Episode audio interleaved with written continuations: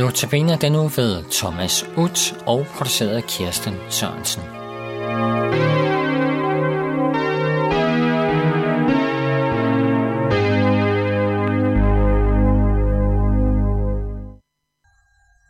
Medlidenhed.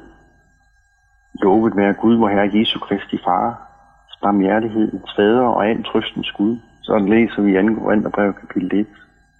Hvilke ord beskriver bedst, hvordan du føler det, når du ser en kær ven, der lider?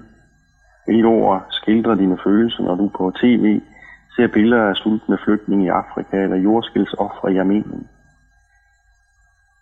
Det er sikkert ord med lidenhed. Vi bruger ofte ord, men tænker næppe meget over dets egentlige betydning. Jeg slog med lidenhed op i ordbogen og fandt ud af, at den første del er det, der betyder med, og den anden betyder det, der vedrører Kristi smerte og lidelse på korset. Forbløffende, hvad en ordbog kan finde på at skrive. Kristi smerte og lidelse på korset.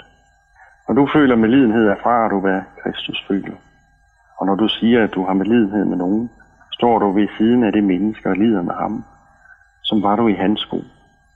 Ligesom Jesus lod sig hænge på korset i stedet for os, viser vi med lidenhed, når vi tager det kors på os som en anden bærer. Gud ønsker ikke, at du bare skal føle dybt med et menneske i et hjerteskærende situation. Er du ikke glad for, at Jesus ikke nøjes med at føle dybt for dig i din søn? Han gik langt videre end til at have med lidenhed med vores sørgelige situation. Han satte sig selv i vores sted, og hans kærlighed har givet ordet med lidenhed en ny betydning – Lad os ikke elske med ord eller tunge, men i gerning og sandhed.